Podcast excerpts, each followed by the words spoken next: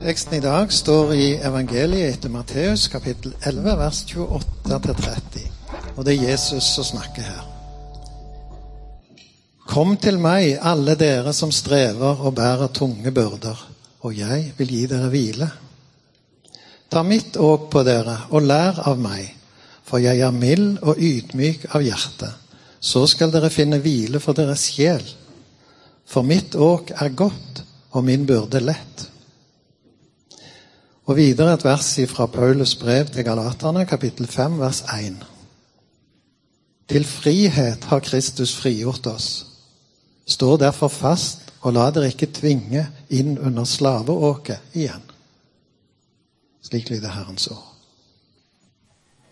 Da setter jeg meg her, og så kan Katrine egentlig komme opp med en gang. Så skal vi ha det som eh, Jeg har mange forskjellige ord på mye av det jeg holder på med. til eh, glede og irritasjon for mine omgivelser, ikke minst for mine aller nærmeste. Et av mine ord det er, det er lavmælt samtale. Det er en sånn ideal jeg har for at, at av og til så syns jeg ofte at det vi sier i kirka, det vi gjør når vi formidler, også oss kristne imellom, det har ofte karakter av å være ganske høylytt og ganske bombastisk og ganske påståelig, kanskje. Og jeg er en av de som er flink på det. Og så ønsker jeg samtidig også at samtalene våre i fellesskapet, i cellegruppene, også i, i menigheten som sådan, skal kunne ha karakter av å være lavmælte. Og Derfor så, så er eh, boka også strukturert opp rundt det jeg kaller for lavmælte samtaler. Jeg, jeg innbiller meg at kanskje noe av, av mitt bidrag er litt sånn lavmælt i denne boka. I motsetning til kanskje av og til ellers. At det er et ønske om å, å si sånn er det jeg tenker om, et, om litt krevende ting som troslivet kan innebære. Jeg strever, jeg er underveis. Jeg kaster stein i glasshus når jeg sier at vi skulle gjerne ha gjort litt mer av det. og gjort mer av det, Men jeg ønsker å formidle det på en lavmælt måte. Og så tenker jeg også at denne samtalen med Katrine nå, om hennes innsteg når hun har jobbet med boka, og hennes refleksjoner, det er også i en sånn lavmælt form. Og så håper jeg dere også kan ta den formen med dere inn i, i de små fellesskapene som vi håper at denne boka skal kunne brukes i. Katrine, eh, hvordan var dette her startet for, eh, for vår del? Mm. Ja, det er jo, Jeg pleier å si at det er nesten litt sånn gudfeldig, fordi det er vel eh, ca. et år siden, eh, slutten av sommeren for et år siden, så fikk jeg en mail fra Vidar med et manus. Og Vidar visste ikke at meg og mannen min Hans Eskil hadde akkurat begynt å gå i bymenigheten, så han visste ikke hvem han sendte mail til, at han sendte til en som allerede går i menigheten. Og jeg visste jo, eh, visste jo hvem Vidar var, fordi han preker jo på søndagene, eh, men kjente ikke noe til han. Det var litt gøy, da, for det er som akkurat den menigheten jeg har begynt å gå i, og så får jeg eh, manus til vurdering fra presten. Men det var sånn umiddelbart når jeg leste manus, og er, sånn er det ikke alltid i det hele tatt når en uh, tar imot uh, manus som kommer helt uanmeldt. At det er litt sånn spontant dette, dette må vi gå for. Men det var noe iallfall For min del personlig så traff det veldig nerver i hva type bok har jeg savna. Altså ikke bare bok, men liksom tematikk og fokus i, i kristenlivet har jeg savna. Både, både profesjonelt som redaktør og hvilke bøker vi gir ut, men òg personlig som kristen, og hva jeg trenger i mitt trosliv, og hva slags helhetlig fokus er det jeg føler, føler mangler. Så det var egentlig eh, inngangsporten. Og så syns jeg jeg er veldig enig med det Johannes sa tidligere om at dette er vår bok. Jeg eh, opplever det som ei bok som kanskje springer ut fra det som skjer her i bymenigheten, og som Luther Forlag, som jeg jobber i, har fått eh, æren av å gi ut. Men at dette her er dette er boka til, til dere som sitter i salen. Det er bok som Vidar har skrevet, men det er ikke en bok som, eh, som en er passiv leser av, men som en tar del i når en leser. Mm. Jeg har bare lyst til å si, før du går videre eh, på noe annet, så har jeg lyst til å ta opp eh, dette bildet her. Nå har vi det ikke på stor skjerm, men dere ser det jo i boka etter hvert. Det er et maleri eh, som egentlig var utgangspunktet for det som vi kaller for lavmælte samtaler. Det er et maleri lagd av Eli, kona til Vidar. Så dette her var på en måte helt, helt, helt i starten. Og det, jeg syns det er et fantastisk bilde som rommer veldig mye symbolikk, og som, som, knytter seg veldig til det boka handler om, sammen med bildene som Johannes har lagt. Så jeg har bare lyst til å ta, ta det fram og egentlig takke Eli for at vi fikk lov å ha med det bildet. Ja. Før du skal si litt mer om hva, boka, hva, du tror boka handler om, så vil jeg si vi er veldig forskjellige når vi åpner en bok. Og vi, vi, går etter litt forskjellige ting. Og jeg vet veldig godt at for noen så er den formen som eh, jeg skriver i, og type andakter eller det som er, kan være noe som åpner, og for andre så stenger det. Det, det kommuniserer ikke. Uh, og Det begynte jo som egentlig en sånn bok med løsrevne stykker. Og så opplevde vi i menigheten før jul at vi hadde en NAMU-test der dette med engasjert trosliv kom som en sånn lav score. Og så hadde vi tidligere i menigheten snakket en del om ulike rytmer eller måter å strekke oss videre i det å ha et engasjert trosliv. Og denne, kanskje jeg kan jobbe med boka sånn at den blir både en bok med løsrevne betraktninger, men at den også er strukturert med, med litt sånn pedagogisk, sånn at du kan lese faktisk bare innledningen, et innledningskapittel, så kan du få noen hovedpoenger. Og så kan du ta for deg hvert kapittel og bare lese første kapittel i hvert hovedkapittel. Det er fem hovedkapitler. Du kan lese første kapittel, og da har du fått liksom essensen. og det tenker jeg litt i cellegruppen, at Klarer man å lese første kapittelet f.eks. før cellegruppa, så, er, så, har man mye av essensen. og Hvis man ønsker å gå videre og lese litt av disse skjønnlitterære stykkene, og får mer utbytte og forklaring på det, så gjør man det. Jeg snakket med en forrige dag som sa damer leser en bok fra perm til perm, mens menn de leser litt her og litt der, og så sier de at de har lest boka. Hvis det er sånn, så får dere ta den og bruke den litt sånn som dere tenker. Og Bakerst så er det da cellegruppeopplegg for fem kvelder. Det første det passer til det vi har hatt forrige søndag og i dag. Og eh, så kommer jeg til å supplere med litt flere cellegruppeopplegg utover høsten, sånn at det blir tilstrekkelig for de kveldene vi skal ha. Men hva handler egentlig boka om, eh, Katrine? Ja, nå har du vært litt inne på liksom formen, eh, hvordan jeg kan bruke boka. Boka, altså Det er litt sånn som tittelen impliserer. Det var ikke vi inne på når vi snakket med deg, Johannes. Men hvis du ser på forsida, så står det altså, altså, Boka heter jo 'Disippelrytmer', og det er det på en måte konseptet òg. På forsida står det eh, rytmer med stor R. og Det er litt sånn, for det, det er ett ord, disippelrytmer, og så har du jo på en måte ordet 'disippel', som for noen kan være litt sånn ja, Det kan skjære litt i ørene, for du har litt dårlige assosiasjoner til det. mens rytmer, det er jo det er kanskje det altså det å, en, det å, finne rytmen i livet, i troslivet, som en disippel av, av Jesus, er kanskje det, det boka handler om. Og så er det jo det er jo veldig, synes jeg, veldig pedagogisk lagt opp. Og du har jo vært inne på det òg, at det er ikke alle som vil synes at det treffer like bra. kanskje. Sånn er vi jo, for vi er veldig forskjellige. Vi, vi trenger liksom forskjellige former på ting for å forstå det.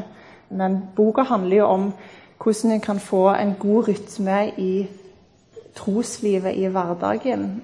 Sånn som livet ditt ser ut akkurat nå, med utfordringer og gleder og, og alt som skal gå opp i hverdagen og ting en tenker på osv.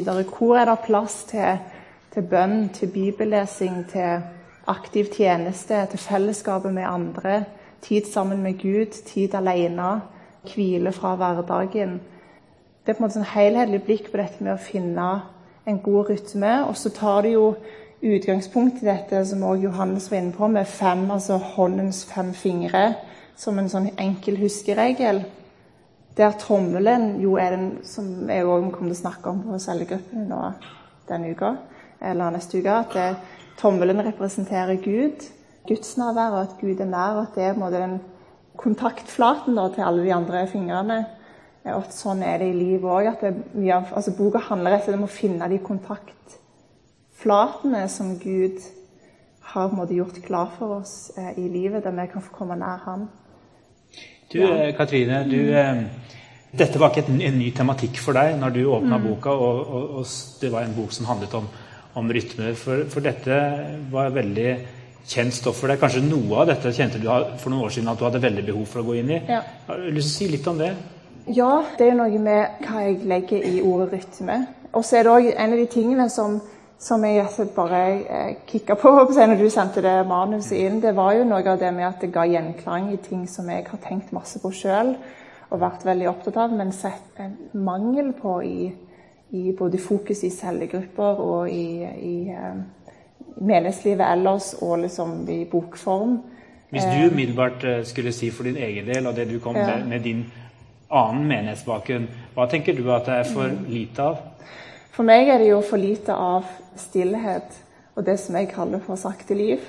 Dette med å leve, leve langsomheten, trekke seg tilbake.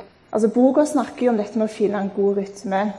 Og jeg tror for Jeg kan jo bare snakke for meg sjøl, men jeg har en mistanke om at jeg snakker for, for flere med at den rytmen er ofte veldig ubalanse i den forstand at vi er, vi er slitne og vi er stressa og vi har altfor mye. Fordi sånn er samfunnet bygd opp. Det er nesten sånn normalen at hvis du lever her i hvis du lever her i livet og er en deltaker i samfunnet, så, så skal det ikke mye til for du har en kalender som er fylt opp. Sant? Det holder med altså Har du en jobb, eller har du studier, har du familie, går du i en menighet, har du relasjoner du ønsker å ivareta? Det er jo mange, mange grunnsteiner som en ønsker å ha i livet, og livet kan fort bli veldig hektisk. Og det er, den, det er på en måte i, i det perspektivet der at en ofte kjenner at eh, Jeg husker vi snakket litt om det liksom, når en skal presentere et cellegruppearbeid som er liksom ei feit bok. At den første responsen kan være åh, jeg har ikke tid til å lese ei hel bok. Så for meg personlig så har det vært Dette med rytmer handler jo om å finne ut hva er det for mye av i livet, hva er det for lite av, hva ønsker jeg mer av for å kjenne at jeg er i balanse. Handler denne boka da bare om å finne hvile og stillhet og ta seg bedre tid eller ha bedre tid? Er det der vi er alle sammen, tenker du? Nei, absolutt ikke. Altså, Boka handler jo vel så mye om dette med fellesskapet, det å være, ta aktivt del i fellesskapet og ha en tjeneste.